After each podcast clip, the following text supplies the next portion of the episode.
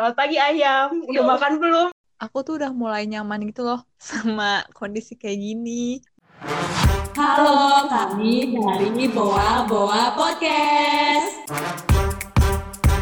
Assalamualaikum warahmatullahi wabarakatuh. Halo teman-teman boa-boa. Halo. Apa kabarnya nih hari ini kalian? Baikkah? Alhamdulillah. Alhamdulillah. Tema kali ini kita bakal bahas apa ya? Bahas yang nggak perlu mikir.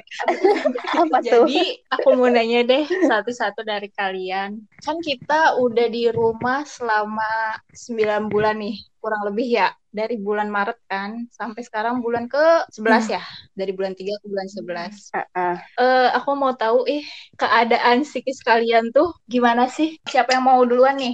Jia, Jia. Duh, dia dulu ya udah nih kalau dari aku sendiri keadaan psikologis aku itu mengambang. Saya aku tuh kayak nggak tahu ada di mana gitu. Maksudnya kalian ngerasa gak sih tugas banyak ngeluh iya dikerjain juga dikit-dikit tapi kayak kayak perasaannya tuh gak nyaman gitu. Dengan ngerjain tugas beda kalau misalnya kita ada di rantauan gitu ya. Jadi perasaan aku tuh kayak aduh lagi apa sih ini? Kayak gitu loh. Tadi kata dia mengambang. Orang-orang tuh menganggap bahwa kondisi seperti ini tuh bikin stresor baru kan. Aku bingung kok aku ngerasa kayak mm, malah menjadi lebih baik. Ya gak sih? Ada gak sih yang kayak gitu? Lebih baik apanya? Psikisnya. Gitu. Hmm. dengan dengan aktivitas di rumah aku ngerasa lebih produktif gitu loh. Soalnya eh, kalau dari segi beban pikiran ada beberapa hal yang kalau ngerantau itu menjadi pikiran aku tapi ketika di rumah tuh nggak jadi pikiran. Kayak misalnya makan. Aku nggak perlu mikirin makan sama apa. Jadi itu kayak enak aja di aku. Terus masalah apa lagi ya masalah kebutuhan sehari-hari lah. Nah, itu tuh dipermudah banget ketika ada di rumah gitu. Terus eh, kenapa menjadi aku ngerasa lebih baik juga karena jadi lebih dekat sama keluarga juga aku ngerasanya. Kalau di kosan kan sendirian, kerasa capek karena banyak mobilisasi sedangkan di sini tuh aku ngerasanya eh, waktu lebih terjaga karena nggak butuh banyak mobilisasi. Misalnya kalau kita ke kelas kan kita harus mobilisasi dulu ke kampus sedangkan ini kita cuman buka eh, Zoom, buka laptop dan itu tuh bisa menghemat waktu. Awalnya sih emang kaget ya, apalagi eh, semuanya online gitu.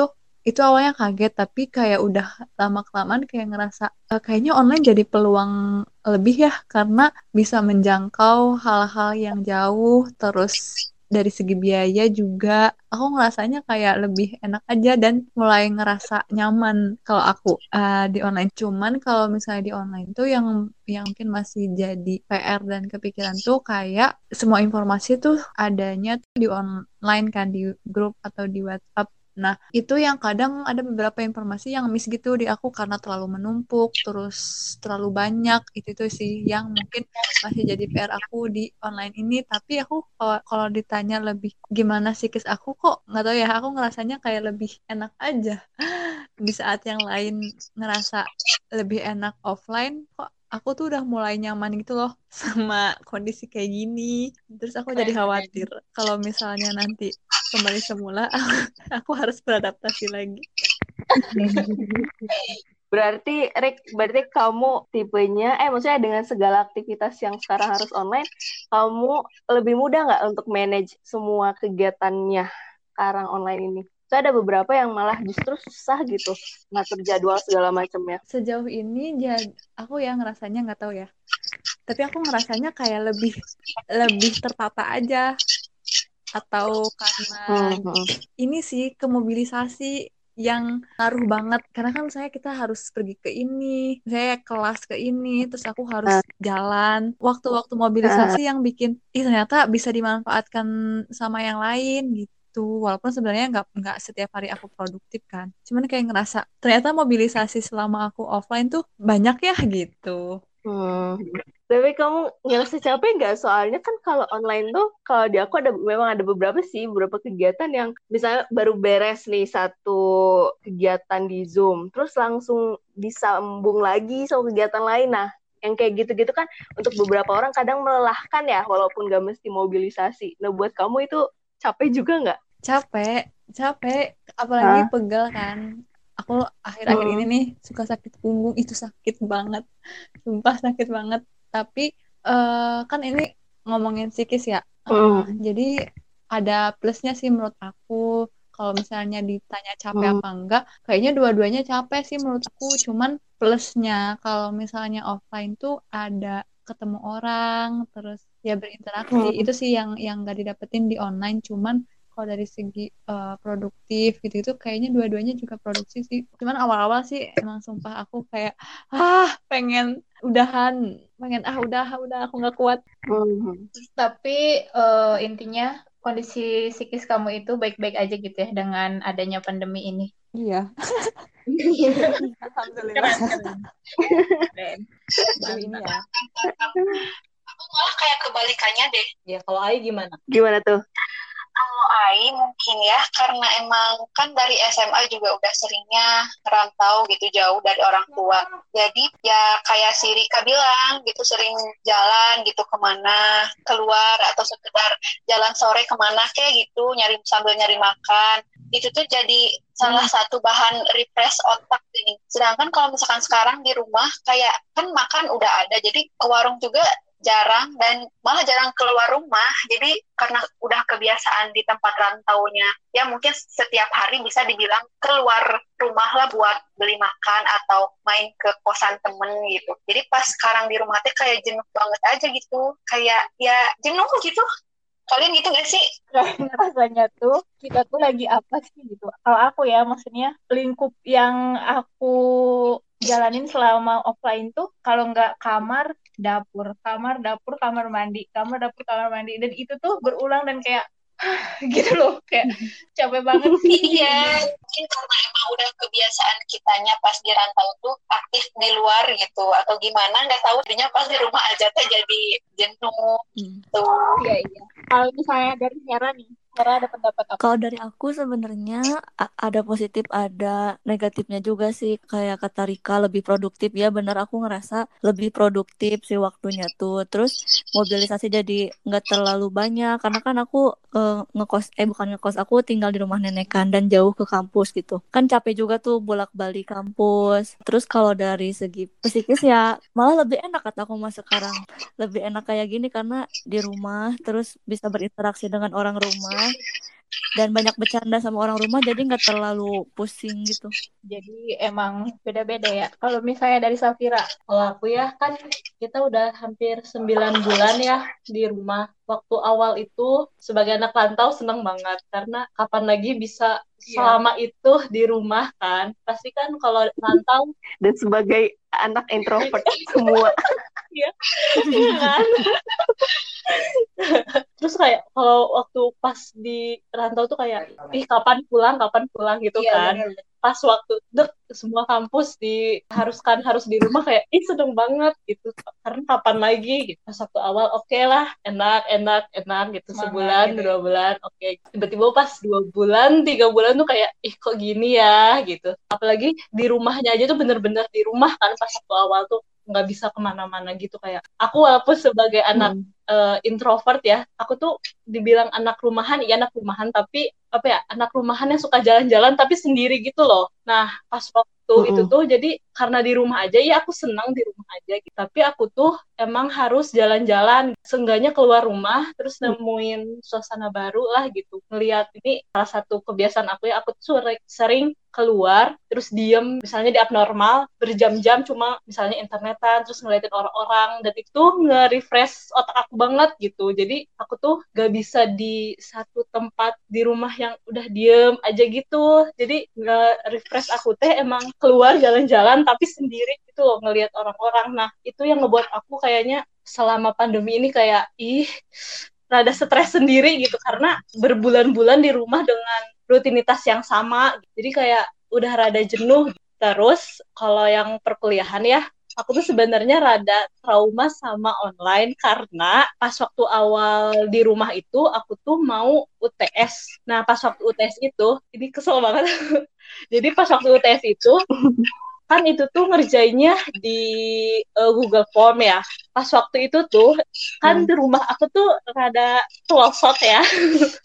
rada pelosok. Aku itu waktu itu pakai providernya yang ukuran ukuran ukuran besar ya pakai itu dan di rumah aku tuh nggak terlalu bagus dan itu tuh lagi hujan jadi pas lagi UTS di Google Form laptop aku waktu itu baterainya bocor jadi harus sering dicas mati lampu jadi itu kayak trauma banget aku gara-gara aku tuh udah ngerjain selesai. Tinggal 15-20 menit lagi waktu habis, aku udah selesai. Tinggal kirim. Pas mau dikirim, mati hmm. lampu.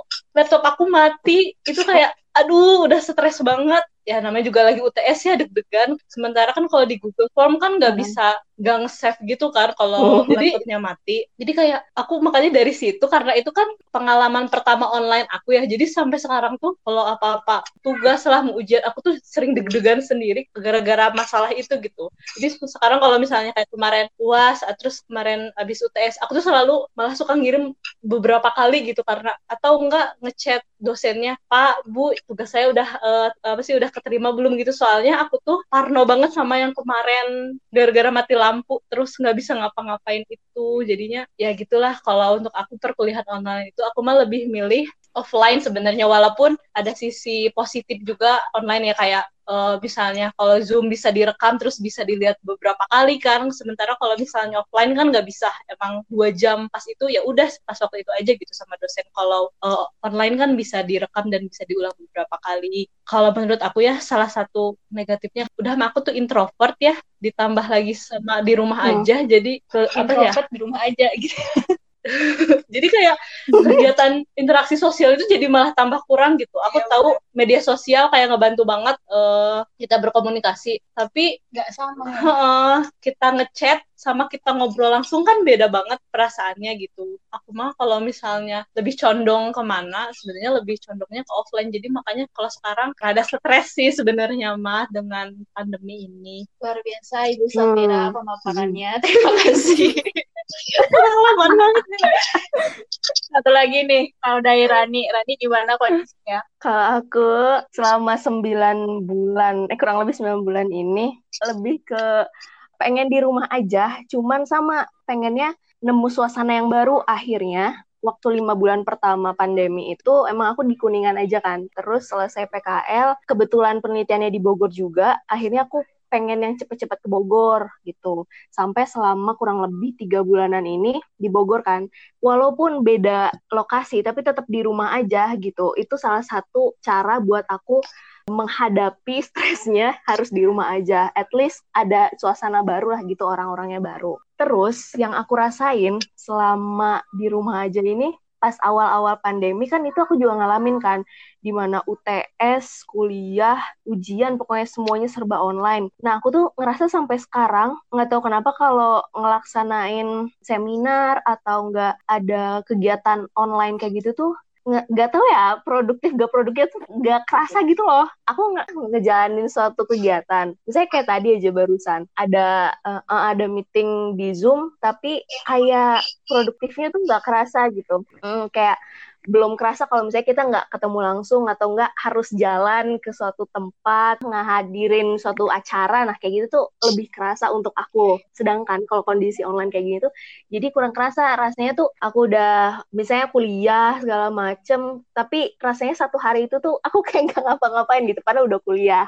Nah itu yang aku rasain sampai sekarang. Uh, akhirnya waktu itu pas lima bulanan awal itu masa pandemi itu aku emang stres banget. Karena sebenarnya di rumah aja itu aku banyak kegiatan lagi sibuk-sibuknya. Tapi karena aku nggak ngerasa produktif itu akhirnya lelah kan ya capek psikisnya. Aku rasain banget capek banget akhirnya sampai nggak mau ngerjain yang lain aja gitu. Kayak misalnya aku misalnya disuruh ngerjain apa kerjaan rumah gitu misalnya. Yang ada aku cuman eh mau ada ini atau mau ada itu. Padahal itu bukan suatu hal yang terlalu berat gitu. Kegiatan di zoomnya itu padahal masih bisa ngerjain hal lain. Tapi karena aku ya udah capek kali ya udah lelah lah istilahnya akhirnya aku kayak menghindar aja gitu. Nah masa-masa kayak gitu ngalamin juga. Dan kayaknya kalau sehektik itu dialamin lagi sekarang kayaknya nggak kuat juga. Tapi alhamdulillah sekarang mah udah agak renggang kegiatannya Abis itu, oh iya satu lagi, setuju sama Rika. Aku sekarang emang jarang keluar, jarang keluar rumah atau kosan. Dan dapat kabar dari kampus juga kan emang rencananya mau di ini lagi ya, offline lagi, dikit-dikit pas bulan Februarian gitu. Nah, aku bingung juga ya kenapa ini terjadi kayak takut gitu loh, kayak belum siap untuk menghadapi dunia normal lagi. Aku harus ketemu lagi sama banyak orang walaupun nggak langsung ya, tapi dikit-dikit rasanya tuh belum bisa untuk beradaptasi lagi gitu. Nah, masih belum kebayang aja kalau harus ketemu sama banyak orang lagi dengan tekanannya beda lagi gitu dibandingkan selama online ini. Iya kan? Menurut aku mah kayak kita teh udah adaptasi sama yang baru sama yang online tiba-tiba nanti kita kayak offline lagi kita teh kayak harus baru juga Mulai. baru juga Nyaman. uh, nyaman sama yang ini harus adaptasi lagi sama yang baru dengan walaupun misalnya nanti offline kan tetap aja ya pasti beda sama offline yang dulu Ya, eh, tadi kan udah ya kalian mengungkapkan bagaimana keadaan kalian. Kan tapi intinya kalian pernah stres kan selama pandemi ini? Ya Hmm. enggak? Pernah sih aku pernah. So aku mau nanya sih, gimana ngatasin stres versi kalian masing-masing? Kalau aku sebenarnya pas awal eh, lima bulan awal itu aku pengen banget rasanya untuk punya circle atau orang-orang terdekat yang nyaman untuk diajak ngobrol, curhat, tapi yang nyambung, klop gitu loh. Soalnya aku rasain, misalnya pekerjaan di kuliah gitu ya, aku bawa ke rumah, terus kalau keluh kesah sama orang rumah tuh kayak aku nggak nyambung aja gitu. Rasanya tuh ya emang sih ngedengerin, cuman kayak nggak bisa ngerasain hal yang sama juga gitu loh. Sedangkan kalau misalnya ngobrol sama teman-teman yang seperkuliahan, apalagi kalau misalnya ngerjain tugasnya bareng gitu kan di kampus, bisa sambil ngeluh bareng atau gimana gitu kan, seenggaknya bisa ngeluarin lah unek-unek gitu kan. Nah, tapi di kondisi itu tuh aku nggak bisa gitu, walaupun memang bisa lewat chat atau telepon atau apa, terutama waktu itu ya, waktu pas awal-awal tuh aku emang kayak sendiri, nggak yang terlalu nyari temen untuk curhat gitu tuh nggak, kayak masih menikmati aja gitu, kayak masih menikmati eh, aku introvert terus disuruh ru- di rumah aja ya udah gitu. Aku bisa kok sendiri gitu kan. Akhirnya ya udah aku ngatasinnya sendiri aja tapi ternyata tanpa sadar itu tuh malah jadi bikin aku lelah sendiri gitu loh. Setelah berbulan-bulan dan aku sadarnya sekarang oh ternyata kemarin tuh aku tuh nggak sehat. Nggak ada orang yang kayak bener-bener aku jadiin tempat keluh kesah kayak gitu-gitu tuh nggak paling ya ngobrol-ngobrol kayak gitu doang gitu. Nah kalau misalnya aku bisa nyuruh aku pada saat itu coba deh kamu nyari orang atau temen-temen yang yang nyambung sama kamu untuk dijadikan tempat curhat atau apa gitu. Entah misalnya masalah di kuliah, kamu ngobrol sama teman misalnya, ataupun di keluarga misalnya kamu ada masalah, ya kamu coba ungkapin juga ke orang rumah misalnya, karena di situasi kayak gitu tuh, apa ya, kadang aku sendiri ngerasanya, ah nggak nggak usah deh, nggak apa-apa, nggak diungkapin juga, kan. Biasanya kan biasanya emang nggak suka diungkapin, aku bisa ngatasin sendiri, tapi ternyata tanpa sadar itu bikin aku lelah gitu pada masa itu. Keren, keren. Kalau misalnya ada lagi nggak? Kalau aku, aku kayaknya sependapat sama Rani deh. Jadi kayak yang dulu aku sebelum pandemi ya mikirnya kalau apa tuh ya udah dipendam aja kayak gitu. Apalagi kalau misalnya masalah yang bener-bener, aku kan orangnya overthinking juga ya. Jadi mikir, dipikirin terus udah mak. Jadi selama di rumah kan sendiri, jadi diam tambah dipikirin aja terus kan. Nah selama pandemi ini aku tuh eh, belajar ya, belajar ngungkapin apa yang aku rasain gitu. Jadi misalnya aku Hmm. ngerasa ini apa ya mulai sedikit-sedikit mm, diungkapin lah gitu. Eh, misalnya di keluarga lah, misalnya di keluarga ada eh, masalah apa, terus terus akunya mungkin nggak enak atau apa gimana, aku ungkapin kayak gitu. Jadi belajar belajar ngungkapin apa yang aku rasain itu tuh pas selama di pandemi gitu. Oke, jadi pelajarannya kita harus bisa mengungkapkan ya. Kalau misalnya dari Hera, Hera cara ngatasin dari stres versi aku, kamu kayak gimana Kalau ya? pas awal-awal pandemi kan aku masih di Kuningan ya. Terus karena eh, adik-adik aku suka makan makanan gitu yang aneh-aneh. Jadi aku kalau lagi stres, aku ajakin adik-adik aku buat bikin apa makanan. Terus udah aku nggak nggak nggak mikirin tugas, nggak mikirin apa pun, lepas handphone, udah aku main sama mereka gitu. Cuman lama-lama ya bosan juga kan. Terus makanya waktu di Kuningan tuh aku nggak bisa ke mana-mana karena kan nggak ada kendaraan juga terus aku nggak tahu tempat wisata kayak nggak tahu beda aja ya makanya aku ngebet pindah ke Bandung lagi nah pas di Bandung bener-bener nggak terlalu banyak stres lagi gitu karena aku sering main ke mana aja Enak Malam- ya. malam-malam Hmm. Oh, pengen. Enak ya Anda. Iya. Jadi nggak terlalu stres. Ayo Aduh, Bandung saya itu iri. sangat indah kalau malam hari guys. Memang nggak usah dikasih tahu juga. Aku sudah tahu itu. Kalau misalnya dari Rika nih, Rika kayaknya Rika tuh Yang paling. pakar. Ayo, apa nih Rika? Ya Allah. Aku tuh masih stres, aku tuh masih pusing, masih mumet. Cuma kan emang kalau stres kan emang nggak bisa dikurangi kan. Stres itu nggak akan bisa dikurangi, bisanya itu di manage. Wadaw. Bisanya itu dikendalikan atau di manage. Wadaw. Nah, ya gitu. Jadi yang setahu aku ya, yang kalau tentang stres itu yang kenal diri kamu kan kamu. Jadi seharusnya kamu yang tahu Hmm. eh, gimana cara manage memanage stres itu karena eh, kalau misalnya ditanya eh, cara ngilangin atau cara nguranginnya gimana itu nggak akan pernah ada gitu. Terus kalau misalnya aku sebenarnya lebih ke apa ya ngelakuin hal-hal yang disuka kayak misalnya kamu suka apa terus ngelakuin itu. Kalau aku nih guys, jadi aku dapat eh dapat saran gitu dari eh, seorang teman. Jadi kalau misalnya lagi pusing, stres, mumet tuh larinya ke olahraga, apa pun olahraga. Mau itu kamu lari, mau itu kamu kardio, mau itu kamu yoga, mau itu kamu apa lagi? Angkat beban, apa pun yang bersifat aktivitas Beban hidup. dan berkeringat. Nah, berkeringat itu tuh efektif nih kalau misalnya dari penelitian juga itu tuh efektif karena ketika kamu berolahraga itu dia akan merangsang hormon dopamin Bahagia. hormon dopamin biar kan dopamin tuh hormon bahagia ya. Iya, itu tuh akan dirangsang ketika kita berkeringat, ketika kita beraktivitas, ketika kita berolahraga. Jadi eh, ketika kamu olahraga tuh bakal olahraganya yang bener gitu, yang 30 menit yang emang bener-bener olahraga tanpa eh, diganggu sama main HP atau bikin konten itu tuh akan timbul kepuasan sendiri. Dan itu tuh kayak ngerasa banget sih kalau aku ngerasa banget kayak eh kalian harus cobain kalau misalnya stres gitu-gitu.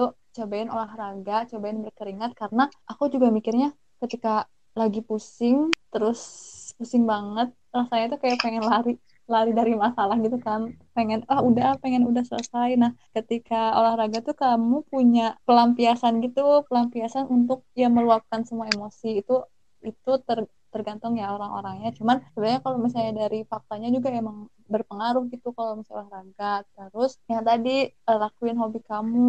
Kalau aku kan suka denger podcast suka denger eh, radio. Nah itu sih hal-hal yang yang dilakuin kalau waktu pas pandemi ini. Karena eh, ngerasa kalau kan sebenarnya pandemi tuh ada waktu-waktu yang ternyata masih luang. Maksudnya kalau misalnya offline itu kayak ngerasa padet banget sampai nggak ada waktu untuk melakukan hal yang kamu suka. Nah sedangkan waktu pas online itu kayak punya spare waktu untuk yang lakuin hal yang disuka itu. Entah itu kamu eh, entah itu kamu dengerin podcast entah itu kamu tadi kayak Hera eh, masak entah itu olahraga entah itu nulis. Karena karena nih pas offline tuh kan kayak nggak punya waktu untuk nulis. Nah sedangkan kalau di online tuh kayak ngerasa punya spare waktu untuk ya nulis untuk meluapkan semua perasaannya. Nah sebenarnya yang tadi Rani eh, Sapi bilang yang untuk mengungkapkan perasaan nah, aku tuh kayak harus belajar juga nih eh, caranya mengungkapkan perasaan. Karena kayak gimana sih caranya? Karena belum bisa.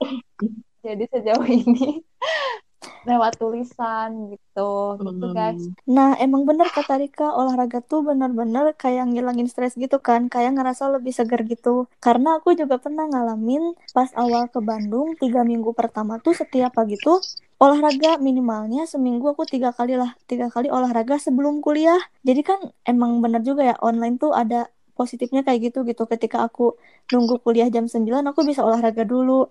Tapi kalau offline, ya nggak bisa karena aku harus siap-siap buat berangkat. Tapi aku setuju deh yang olahraga.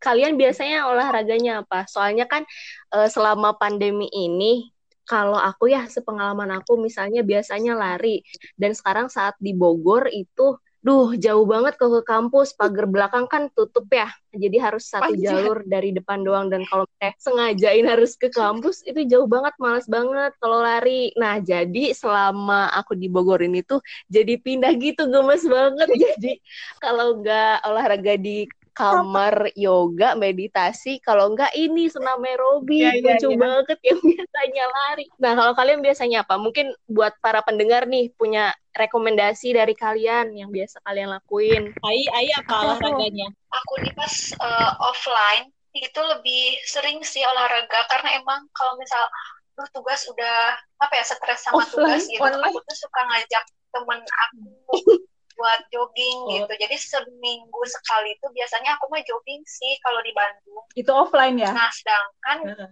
iya Kalau online? sedangkan kalau online aku malah lebih ke stretching aja sih kalau misalkan habis bangun tidur gitu biar apa ya Hmm. ngeregangin badan aja sih kan kalau misal olahraga mah aku mah kalau di rumah nggak berani malu.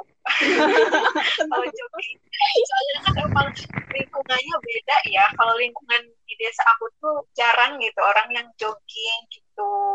Jadinya aku mah lebih berani Hmm. jogging setiap minggu tuh kalau di Bandung sama temen. Dan itu emang bener sih ngaruh banget. Yang tadinya aku stres gitu kayak refresh bener-bener refresh otak tuh bener banget itu cuman sekedar olahraga doang gitu jogging keliling lapangan gitu terasa banget segernya gitu Emang bener banget kalau olahraga tuh menghilangkan eh, stres gitu ya. Karena aku juga udah ngalamin pas waktu masih awal-awal tuh. Yang bener tadi kata Safira kan ketika kita pas masih awal pandemi itu ngerasanya seneng banget kalau ada di rumah tuh. Jadi ngerasa kayak, wah ini kesempatan kita buat melakukan apa yang nggak sering kita lakukan ya selama di rantauan. Jadi waktu pas awal-awal tuh, aku tuh rajin banget Zumba. Rajin gitu mah. Terus tuh sepedahan ya, rajin. Bahkan waktu itu booming tuh ya sepedahan. Terus aku tuh rajin itu hampir tiap pagi lah sepedahan gitu. Senang aja gitu ngelihat yang ijo-ijo terus walaupun capek tapi ada bahagia gitu ya. Bener tadi kata Rika mungkin itu yang apa tadi tuh dopamin ya, dopamin kitanya meningkat. Nah, tapi tapi ya ke sini ke sini tuh karena aku tuh udah makin aduh ngapain lagi ya? Jadi kayak aduh aduh aku tuh sekarang belum menemukan bahwa pandemi ini sangat-sangat positif gitu ya. Buat akunya tuh masih belum gitu. Terus jadi sekarang-sekarang tuh malah kalau misalnya ya kalau misalnya berkeringat tapi bukan dari olahraga itu bisa meningkatkan dopamin juga nggak sih? Kayak misalnya ngepel nyapu ngegosok kalian kan berkeringat gak sih? Keringetan kan? Tapi nggak bahagia. Tapi aku kalau misal stres aku larinya tuh ke beres-beres rumah serius mantap mantap jadi kayak ngepel Panutan, panutan. Aku nggak bisa. tapi itu juga kalau misalkan di rumahnya lagi kosong biasa Kalau di Bandung aku tuh lari, jadi ke gazebo atau Oh, ke iya. mana gitu ya. Yang memang benar track running gitu. Tapi kan kalau di sini kalau di sini kan jauh ya harus ke kota. Nah, aku mah jadi kalau misalnya di rumah waktu awal-awal emang kayak olahraganya olahraga yang di rumah ya kayak zumba, bener kardio, terus Iya, iya. apalah yang di rumah senam atau apa pun kayak gitu. Sampai aku beli alat olahraga gitu ya buat yang di rumah. Tapi sekarang eh, karena aku tuh kayak pengen lihat sekalian lihat pemandangan gitu. Sekarang tuh mungkin ini keuntungannya. Padahal ini bulan apa sih November ya harusnya kan musim hujan nggak tahu ya ini gimana ya. Tapi sekarang kan subuh jam 4 jadi aku tuh eh, jam 5 keluar terus ke jalan baru terus Iya. lari atau jalan itu tuh enak banget gitu. Udah mah kita olahraga juga terus lihat pemandangan juga lihat kalau misalnya sebelum matahari terbit berarti bisa lihat matahari terbit jadi aku mah saranin karena mungkin sekarang jam 5 itu kan udah terang ya aku mah nyaranin ya olahraganya jam segitu karena itu enak banget. Udah makan udaranya masih enak masih bersih kayak gitu ngeliat pemandangan. Bagus deh pokoknya. Aku jadi sering lebih sering ini loh ngajak ngomong ayam kucing. Kan di rumah aku tuh di belakang. tuh kebun ya. Terus kan ada ayam sama suka ada kucing lewat. Kalau aku nge keluar tuh kan ada angin tuh enak banget. Suka ngeliat ke langit. Terus dan itu aku tuh suka nyapa ayam. Jadi kayak perasaan aku tuh lebih lega aja gitu. Kayak selamat pagi ayam. Udah makan belum? Aku tuh sering sering buat ngomong kayak gitu sampai mama aku neng karena sampai di kayak gitu. Salah satu cara buat aku ngilangin stres di rumah tuh karena aku nggak berani buat ngomong ke orang tua terbuka aku nulis kayak kata Rika gitu. Jadi kalau aku lagi stres tuh kayak ini aku tuh ngeluarin semua pikiran aku tuh di tulisan gitu sampai aku bener-bener plong gitu. Jadi aku teh sasarannya tuh di tulisan gitu. Terus uh, karena sekarang emang udah punya temen juga maksudnya temen cerita gitu tentang keluh kesah jadinya agak agak lumayan sih meskipun gak ke orang tua tapi ada temen gitu yang apa ya kayak ngasih saran atau ngasih ya meskipun dia cuma bisa ngedenger juga udah syukur banget. Karena aku mah orangnya kalau misalkan stres aku tuh harus nyelesain stresnya itu dulu gini biar aku bisa lanjut ngelakuin hal yang hal yang lain gitu biar bisa fokus. Jadi aku tuh harus ngeluapin dulu biar plong. Dan salah satu caranya aku mah selalu nangis beneran. Aku mah selalu nangis kalau stres dan biasanya tuh curhat ke orang gitu. Mungkin di sini Hera pernah ya Hera. Aku nelpon dan nangis. Kita perlu kenal sama diri sendiri, minimal kita sukanya apa gitu kita harus tahu biar uh, kita bisa memanage stres itu karena nggak mungkin kan kita punya yang stres kita yang ngendaliin orang lain. Boa boa boa boa boa boa boa